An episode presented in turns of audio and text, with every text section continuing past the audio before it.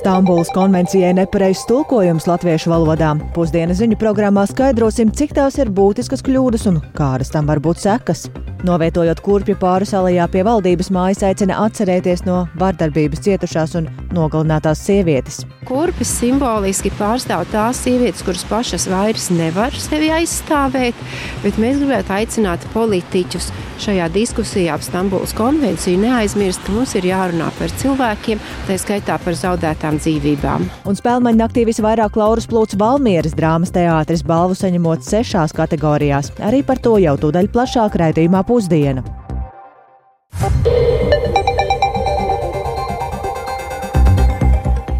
Ir 12,5 minūtes. Skanējumu sāk 24. novembra raidījums pusdiena ar plašāku skaidrojumu par šodien būtisko studijā. Dāca Pēkšēna, labdien!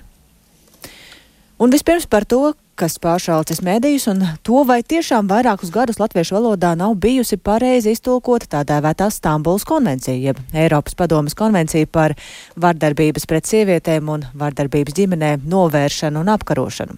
To labklājības ministrija esot atklājusi saskaņošanai iesniegtajā ministru kabineta sēdes protokolu lēmumu projektā. Valsts valodas centrs teksta latviskojumā ir veicis vairākus labojumus ar precizēto tekstu papildinot virzības likumprojektu. Un vai šie labojumi maina dokumenta pamatbūtību? Labklājības ministrija un Saimnes juridiskās komisijas vadītāji pārliecināti, ka nē, bet vairāk šajā jautājumā ir iedziļinājies kolēģis Jānis Kīncis, kurš šobrīd mums pievienojas tiešai. Sveiks, Jāni! Sveicināti! Eiropas padomas konvencijas par vardarbības pret sievietēm un vardarbības ģimenē novēršanu un apkarošanu teksts latviešu valodā ir tulkots 2019. gadā. Un par nepieciešamību šajā tekstā precizēt dažas nianses eh, Labklājības ministrijā šogad tika saņemti daži ierosinājumi. Un valsts valodas centra eksperti nav vēlreiz tulkojuši visu konvencijas tekstu, bet tiešām precizējuši vietām atsevišķus terminus. Un, uh, Šo faktu par Stambulas konvencijas teksta precizējumiem eh, pieņem zināšanai arī ministru kabinets un atjaunināto teksta versiju pievienos uh, saimā skatāmajam likumprojektam par Eiropas padomus konvencijas uh, par vardarbības pret sievietēm un vardarbības ģimenēm novēršanu un apkarošanu. Nu, kādas izmaiņas tekstā ir veiktas? Minēšu dažus tulkojumu piemērus. Uh, Termins seksuāla rakstura aizskārums ir aizstāts ar seksuālu uzmākšanās, vārds cietušais aizstāts ar vārdu upuris, tāpat vārds konvencija tekstā latviešu valodā rakstāms nevis ar lielo, bet ar mazo sākuma burtu. Un to, ka un līdzīgi šādi piemēri ir vēl vairāki, arī redakcionāla rakstura, un to, ka šie latviskojumi galvenokārt veikti labskanības nolūkā un neietekmē konvencijas dokumenta būtību, uzsver arī Labklājības ministrijas valsts sekretāra vietniece Diāna Jakaite. Sarunā Latvijas radio viņa arī skaidroja, kāpēc tas noticis vien tagad, pēdējā nedēļā pirms eh, šī dokumenta apspriešana eh, ratifikācijas saimnes plenārsēdē. Absolūti tikai tehnisks precizējums. Nu, pirmkārt, eh, jāņem vērā, kad tie priekšlikumi tiks saņemti. Tie, protams, ir jāpārskata. Vēl arī valsts valodas centrs pārskata atsevišķus tulkojumus, lai tie ir arī saskanīgi ar Latvijas Zinātņu akadēmijas terminoloģijas komisijas lēmumiem atsevišķiem. Līdz ar to tas, protams, prasa savu laiku. Un tā ir sanācis, ka tikai šobrīd mēs esam nonākuši līdz tā gala versijai tulkojumam. Un tas ir sakarīgs, protams, ar likuma projektu virzību bet tas nekādā veidā neietekmē konvencijas tulkojumu saturu. Tas ir tiešām tehnisks, tikai precizējums, lai būtu korekts. Atgādināšu, ka Labklājības ministrija jau līdz ar valdībā lemto konvencijas likumprojektam pievienoja arī atsevišķu deklarāciju. Tajā uzsvērts, ka konvencijas virzība notiek saskaņā ar Latvijas satversmi, jo Agrāk ilgstošās diskusijās par Stambulas konvenciju daudzkārt pieminēts termins sociālais dzimums, un uh, šajā deklarācijā ministrija atkārtot uzsvēra, ka tas neatiecas uz dzimumu, bet uz sociālo lomu un neietver pienākumu ieviest nekādu citu dzimumu Latvijas sabiedrībā, izglītības vai tiesu sistēmā, un neuzliek arī par pienākumu kā citādi interpretēt Latvijas satversmē ietvertās normas par laulību, ģimeni, vecākiem, bērnu tiesībām un to aizsardzību. Un, uh, tāpēc Tāpēc arī šobrīd jāpiebilst, ka šo terminu valsts valodas centrs precizētajā tulkojumā nekādi nav koriģējis. Un to, ka veiktie labojumi it nekādi neietekmē konvencijas būtību, uzsver arī par tās virzību saimā atbildīgās juridiskās komisijas vadītājs Andrejs Judins no jaunās vienotības. Principā tas ir ļoti labi. Šajā gadījumā, tad, kad nu, es dzirdu 120 dažādu argumentu, nenopietnu, kāpēc mums nevajag Stambulu. Jā. Nu, ja tagad sāks, ka ir nolaupīts īstais teksts, ja nu, pēdiņas nolaupīts, ja, tad, un tikai tagad pirms balsošanas ieliks, nu, tas, ir, nu, tas ir nepamatoti. Nu, Mēs valodniekam varam sūtīt regulāri tekstu, un vienmēr būs precizējumi. Nu, saturiski nu, visiem ir skaidrs, par ko ir stāsts. Un, jā, deputāts Andrēs Judins arī stāstīja, ka paskaidroja, ka valstu parlamenti nemaina un nevar mainīt starptautisku līgumu tekstu, tajā, skait, tekstus, tajā skaitā arī Stambulas konvenciju. Un līdz ar to nākamajā ceturtdienā, kad eh, saimnes darba kārtībā būs šis jautājums plenārsēdē par Stambulas konvencijas ratificēšanu, plānots debatēt un balsot vispirms pirmajā lasījumā, un tad eh, atbilstoši saimnes procedūrām būs dots neliels laiks arī deputātu priekšlikumu izskatīšanai, un pēc tam tajā pašā dienā saima par Stambulas Stambulas konvencijas ratificēšanu lems arī otrajā un galīgajā lasījumā. Līdz ar to gadiem ilgušās debatas saistībā ar šo dokumentu būs eh, noslēgušās Latvijā. Dace? Paldies Jānim Kincim. Tātad dokumentā ir vairāk precizējumi, bet būtību tie neietekmējot. Un ar Šo tēmu arī turpināsim tikai mazliet no cita aspekta, jo Latvijā psiholoģisku, fizisku vai seksuālu vardarbību ir piedzīvojušas trešā daļa sieviešu, bet dati par ģimenē vai intīmo partneru pastrādātajām sieviešu slepkavībām ir viena no sliktākajiem Eiropā. Tādēļ, atzīmējot starptautisko dienu vardarbības izskaušanai pret sievietēm, šodien organizācija sievietei paveicās sadarbībā ar Rīgas Zonta klubu Rīgā rīko akciju, kurā atgādina par nepieciešamību izskaust vardarbību pret sievietēm. Un to, ka vardarbība ir aizvien ļoti izplatīta, šorīt raidījumā labrīt kolēģei Helīnai Balskarai arī uzsvēra biedrības sievietei paveicās dibinātāja Māja Krastiņa. Bet vispirms paklausīsimies um, par to, cik šajā ziņā liela nozīme ir Stambuls konvencijai, viņas sacīto un vai tomēr nevaram aizstāvēt sievietes arī bez tās. Pirmais jau tomēr ir, ja mēs skatāmies kaut vai uz to laiku, kopš mēs esam viņu parakstījuši, kas ir 2016. gads, bojā jau ir gājušas 133 sievietes. Un šajā laikā, kamēr mēs runājam un kamēr vieni gudrie stāsta, ka mēs jau sen būtu varējuši kaut ko darīt arī pēc konvencijas, taisnība jau teorētiski ir, bet mums nav sanācis tomēr izdarīt to, ko vajag.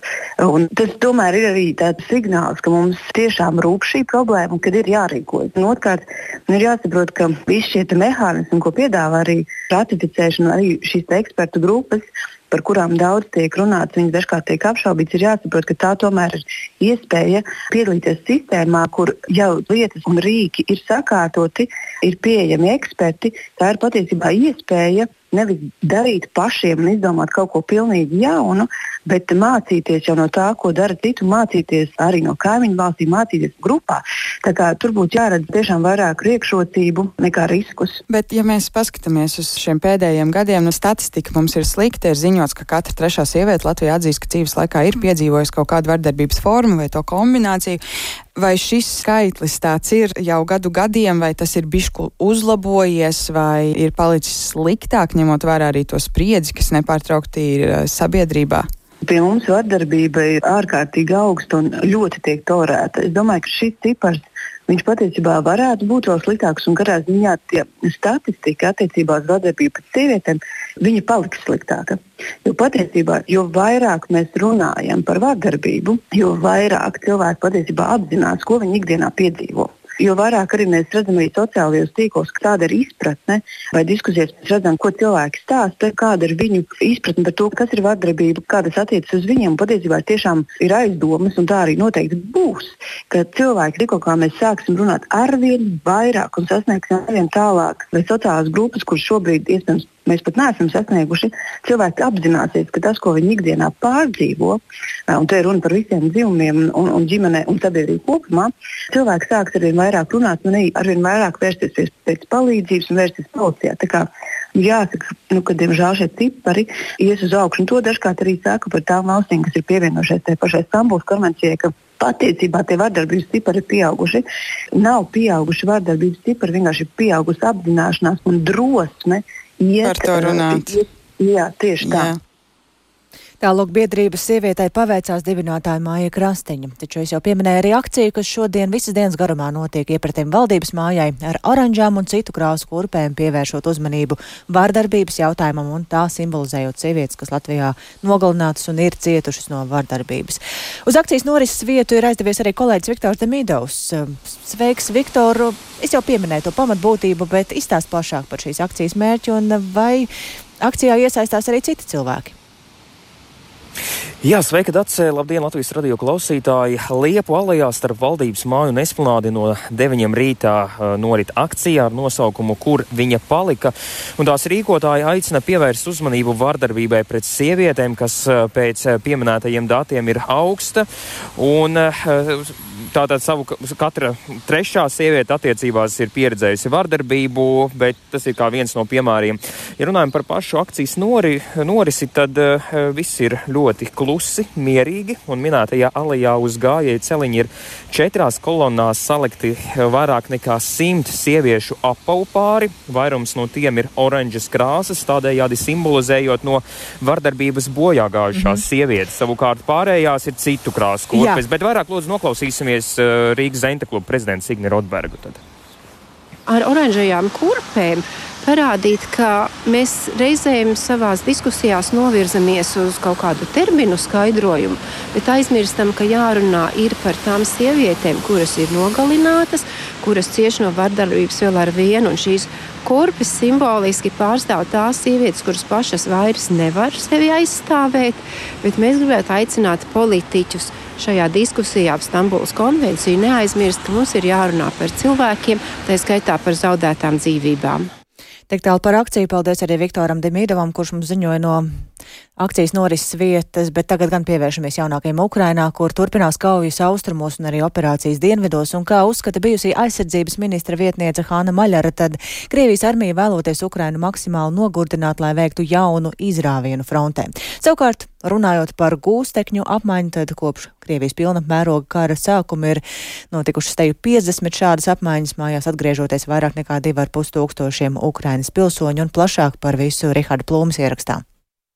Ukrainas aizsardzības ministrijas galvenās izlūkošanas pārvaldes pārstāvis Andrijs Jusovs norādījis, ka kopš šī gada vasaras beigām Krievija faktiski ir iesaldējusi gūstekņu apmaiņas procesu. Pēdējā gūstekņu apmaiņa notika augustā, kad Ukrainā atgriezās 22 personas. Taču sarunas starp pusēm gan turpinoties. Ukraina pieliek visas pūles, lai Ukraiņu aizstāvjus atgrieztu dzimtenē, uzsvēra Jusovs, piebilstot, ka darbs pie reģistriem turpinās, proti tiek vākta informācija informācija gan attiecībā uz kara gūstekņiem karavīriem, gan attiecībā uz ieslodzītajiem civiliedzīvotājiem. Galvenā izlūkošanas pārvalde gan neatklāja informāciju par to, cik Ukraiņu joprojām varētu būt ienaidnieka gūstā. Krievijas karaspēka dzīvā spēka zaudējumiem Ukrainā sasniedzot eju 323 tūkstošus, austrumos turpinās Krievijas uzbrukumi vairākos virzienos, tostarp Avdijivkā. Cik kulimēt po nāsu! Oberēžna. Krievijas armija, koncentrējot lielus spēkus, izmantojot daudz kainieku, artēriju, arī kasešu bumbas, uzbruk no vairākām pusēm, cenšoties pilsētu ieņemt. Tiek pieliktas īpašas pūles, lai ieņemtu pilsētas industriālo zonu. Tajā pašā laikā Krievijas zaudējumi ir lieli, turpina 47. brigādes preses pārstāve Anastasija Blīšika. Стосовно росіян, то їх тут дійсно багато, але вони, я ж кажу, рухаються. Kas attiecas uz krieviem, tad viņu šeit patiesi ir ļoti daudz, taču viņi uzbruk mazās grupās un vienkārši mirst. Vienus likvidē, bet nāk atkal nākamie, burtiski ejot pa līķiem. Tādi uzbrukumi mazās grupās ir visu laiku. Viņi tikai lien, lien un lien. Viņi pamet savus ievainotos. Mums ir video, kur divi okupanti nes prom trešo. Kādā brīdī viņiem vienkārši paliek grūti. Viņi apstājas, atstāja viņu un iet prom prom, bet viņš rāpo viņiem pakaļ, kliedz un māja ar rokām, lai viņam palīdz. Tikmēr dienvidos Ukraina turpina operāciju Ņepras kreisajā krastā. Ukrainas spēku galvenais mērķis tur varētu būt nokļūšana līdz Krimai, taču ir lieli izaicinājumi, kaut vai tas, ka arī tur Krievija sabūvējusi aizsardzības līniju. Vērienīgai Ukrainas spēku virzībai nepieciešams liels skaits tehnikas un laba apgāde. Lai pāri upē pārceltu lielu skaitu militārās tehnikas, tehnikas jābūvē pontonu tilti, kas savukārt būtu viegls mērķis Krievijas artilērijai. Tāpat jāatceras, ka frontes līnija ir ļoti gara, aizsardzības spēki ir izstiepti un lielu spēku pārsviešana Hersonas apgabalā vājinātu austrumu fronti. Bijusī aizsardzības ministra vietniece Hanna Maļara norādījusi, ka Krievijas armija Ukrainu nogurdina jau vairāk nekā gadu, lai veiktu jaunu izrāvienu frontē.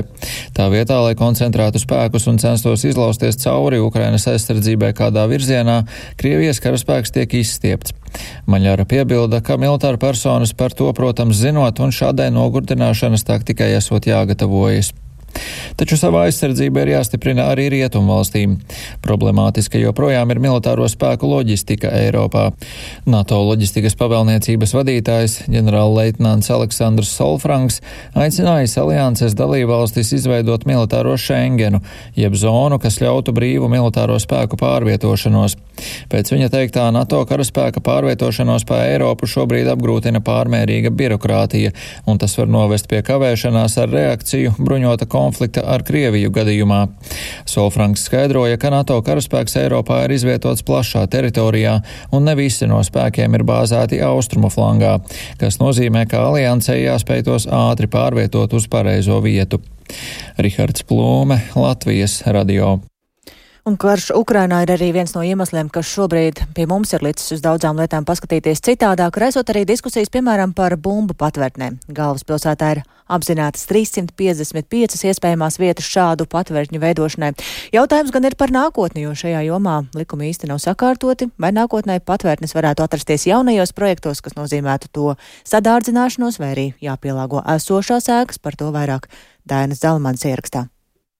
Uzņēmuma būvinženieru konstruktoru birojas valdes loceklis Aldis Grasmanis vērtē, ka valstī nepieciešama gan vienota koncepcija par civilo aizsardzību, gan likumdošana, kas nosaka, kādās ēkās un cik patvērtnes nepieciešamas. Ir skaidrs, ka tie ir papildus izdevumi un neviens investors pats no sevis šādas papildus izdevumus un saistības tā vienkārši neuzņemsies. Kad mēs zinām, cik daudz un kur vajag, tad ir jābūt noteiktām un skaidrām tehniskām prasībām, jo drošības līmenis ir skalā no 0 līdz 10. Tās atšķirības ir milzīgas. Nekustamā īpašuma attīstītāju alianses valdes priekšsēdētājs Ins Dalderis vērtē, ka patvērtņu izbūve jaunajos projektos tos sadārdzinās par vismaz 10%, un tas nozīmē, ka dzīvokļus jaunās mājās varēs atļauties vēl mazāk iedzīvotāju nekā līdz šim. Skaidrs, ka tas sadārdzinās, un jau šobrīd tirgus ir nokrities līdz minimāliem līmeņiem. Svarīgi, lai mēs, piemēram, autostāvvietas, kas ir šodien daudz dzīvokļu ēkās apakšzemē, vai tās mēs veidojam jau kā pielāgotas šādām patvērtnēm, vai mēs būvējam kaut kādas jaunas patvērtnes, vai mēs nostiprinām pēkšņi pirmo stāvu konstrukcijas, būvējam tā, lai viņas izturēs šos uh, papildus slodzes un tam līdzīgi. Tā kā te tas, man liekas, tas detaļas ļoti svarīgs, tas arī to cenu ietekmēs. Ja mēs gribam pilnīgi visu infrastruktūru būvēt uh, triecienu droši, tad, protams, ka tas būs daudz dārgāk. Tā kā mums to ļoti nedomā, kas to finansēs, ja to visu mēs uzliekam tikai uz eh, gala pircēju pleciem, nu tad ir pilnīgi skaidrs, ka tas loks, kas šobrīd ir atļauties iegādāties jaunu mājokli, noteikti vēl sašaurināsies. Domājot par patvērtnēm, jāņem vērā arī citu valstu pieredze, un par to turpina būvinženieru konstruktoru birojas valdes loceklis Aldis Grasmanis. Tā kā tas tika darīts Norvēģijā, kur bija nu, vienkārši pagrabta telpas, kur ir kaut kādas sabiedriskās telpas, kādas noliktaviņas iedzīvotājiem un tādā veidā, bet nu, viņas tās telpas ir mazākas. Tad iespējams tas risinājums nav nemaz tik dārgs salīdzinot ar būvniecību, kas būtu arī bez šī aizsardzības risinājuma. Izrēlā katrā dzīvoklī ir saucamā drošā istaba, kurā ir pastiprināti drošības pasākumi, teiksim, samazināts vai vispār nav loks. Durvju konstrukcija ir drošāka un pašas sienas ir pastiprināts. Līdz ar to tas tiek skaistīts kā tāds operatīvais un ātrais risinājums, teiksim, nodrošināt vispārīgo drošību. Nekustamā īpašuma attīstītāju alianses valdes priekšsēdētājs Inns Dauderis aicina patvērtņu jautājumu vērtēt ilgtermiņā.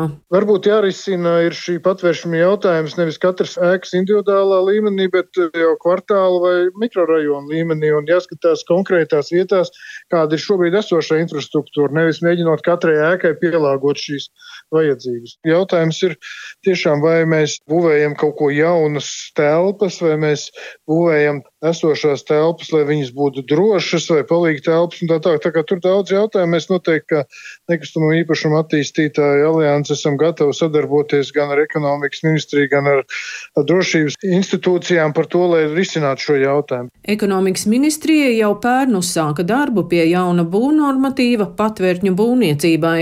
Tā tālāka virzība apturēta uz laiku, līdz ministru kabinetā tiks izskatīts iekšlietu ministrijas sagatavotais informatīvais ziņojums par tālāko rīcību patvērtņu jautājumā. Savukārt ekonomikas ministrijai patvērtņu būvnormatīva projekts jāiesniedz valdībā līdz nākamā gada 31. maijam. Daina Zalamane, Latvijas radio. Un vēl raidījumā pusdiena par aizvedīto spēlmaņu nakti visvairāk balvu šoreiz tātad saņēma Valmieras drāmas teātris plūcot laurus sešās kategorijās. Par gada mazās formas izrādi atzīta Valmieras teātra izrāda nelabie pēc Dostojevska, bet par gada labāko režisoru šīs izrādes veidotājs Elmārs Senkovs. Kategorijā gada lielās formas izrāde savukārt uzvarēja fonda Initium un režisors Ivetas Polis iestudējums Maleus Maleficarum, jaunais līgums un plašāk Vairāk par spēlmanu nakts rezultātiem paklausīsimies Baibas Kušķis ierakstā. Maleus Maleficarum, jaunais līgums, režisore Iveta Pole, darbs tapis koprades procesā. Uzvarētāja kategorijā gada lielās formas izrāde paziņo mūža balvas laureāte Lolita Cauka. Izrādi Maleus Malefikārum jaunais līgums producējis fonds Initium. Tā ir mūsu teātrā ainavā neordinārs projekts, kvalitatīvi un pārliecinoši īstenots. Par šo inovatīvo pienesumu arī piešķirta balva, stāsta žūrijas vadītājs Toms Čevers. Nu, mūsu teātris telpā tāda mēroga performance ar tādu pārliecību par savu darbu, par tā nepieciešamību un par tās idejas nozīmīgumu tāda nav redzēta. Un, protams, žūrijai vienmēr ir jāizšķirās par kaut kādu inovāciju, jauniem soļiem vai arī par kādiem nu, tīri profesionālām un stabilām lietām. Un šajā gadījumā šī bija tāda inovācija pretstatā pārējām labām izrādēm, kuras bija vienkārši labas. Izrādes centrā ir astoņas spēcīgas sievietes un tā vēsture vēsta par sievietes spēka transformējošo potenciālu. Režisora Iveta Pola to dēvē drīzāk par rituālu nekā klasisku izrādi. Viņa ļoti saista šāds teātra virziens, un viņa ir ārkārtīgi priecīga par žūrijas novērtējumu. Protams, tas nav gluži tekstā balstīts teātris, tas ir vairāk fizisks teātris, tas ir starp skatuves mākslu, vizuālo mākslu. Tas ir tāds tā kā drīzāk kokteils. Mēs visas šīs astoņas meitenes, kuras kurus mēs kopā darām, tas ir kopdarbs. Jums jau tagad būs stimuls kaut ko jaunu, varbūt jau top kaut kas jauns kā režisorē. Jā, nākamais būs opera basēnā. No 15 kategorijām sešās balvas saņēma Valmieras teātris, kas par spīti remonta apstākļiem jau otro gadu sasniedz ļoti izcilus rezultātus, atzīst Toms Čevers. Par to ir ārkārtīgs prieks, ka pagājušo sezonu jaunajam Valmieras aktieru kursam ienākot teātrī, ka tā nebija nejauša nejaušība un pirmā deksme kaut ko darīt, bet šajos sarežģītos apstākļos viņi ir pierādījuši, ka viņi prot radīt, prot materiāliem pieiet pamatīgi, un kas ir arī būtiski Valmieras teātris sakarā, ka praktiski nebija nejaušu darbu. Valmieras teātra direktora Evita Ašerādena kā viena no galvenajām veiksmes atslēgām min jauno spēcīgo aktieru kursu. Mēs izmantojam to mirkli un nepadodamies, un visu laiku tas mudina domāt jaunas idejas. Un arī, protams, tas, ka mums ir ienācis Indras Rokas un Mišas Brusdeva kurs un mēs viņiem liekam akcentu, un viņi izmanto savas iespējas. Par labāko aktieru atzīts Artūrs Krūskops par darbu Nacionālā teātra izrādē Ričards nekā personīga, bet par labāko aktrisi Dārta Daneviča par izcilu veikumu izrādē Zēni nav meitenes. Aktrise mēdz saņemt atsauksmes no skatītājiem arī personiski, un visvairāk viņas sirdi silda stāsti, ka pēc šīs izrādes cilvēkiem rodas vēlme ātrāk steigties pie saviem mīļajiem uz mājām, lai viņus samīļotu. Šī izrāde ir īsa un tā beidzas pirms deviņiem vakarā. Tad parasti cilvēki ieplāno vēl kaut ko. Viņi, teiksim, vakar bez bērniem, aiziet vēl kaut kur pēc tam atpūsties kopā. Un, viņi raksta, ka viņi ir atcēluši šo sarunāto aukli uz visu vakaru vai vecvecākus un steigušies mājās pie bērniem. Man arī ir bijušas mātes, kas raksta, ka viņas ir pārvērtējušas sevi kā mātes pēc šīs izrādes noskatīšanās. Tas arī ir liels gandarījums. Balvas par mūža ieguldījumu šī gada spēlmaņu naktī saņēma Nacionālā teātra aktrise Lolita Cauka un Valmieras teātra aktieris Agris Māsēns. Baiba Kušķe, Latvijas radio.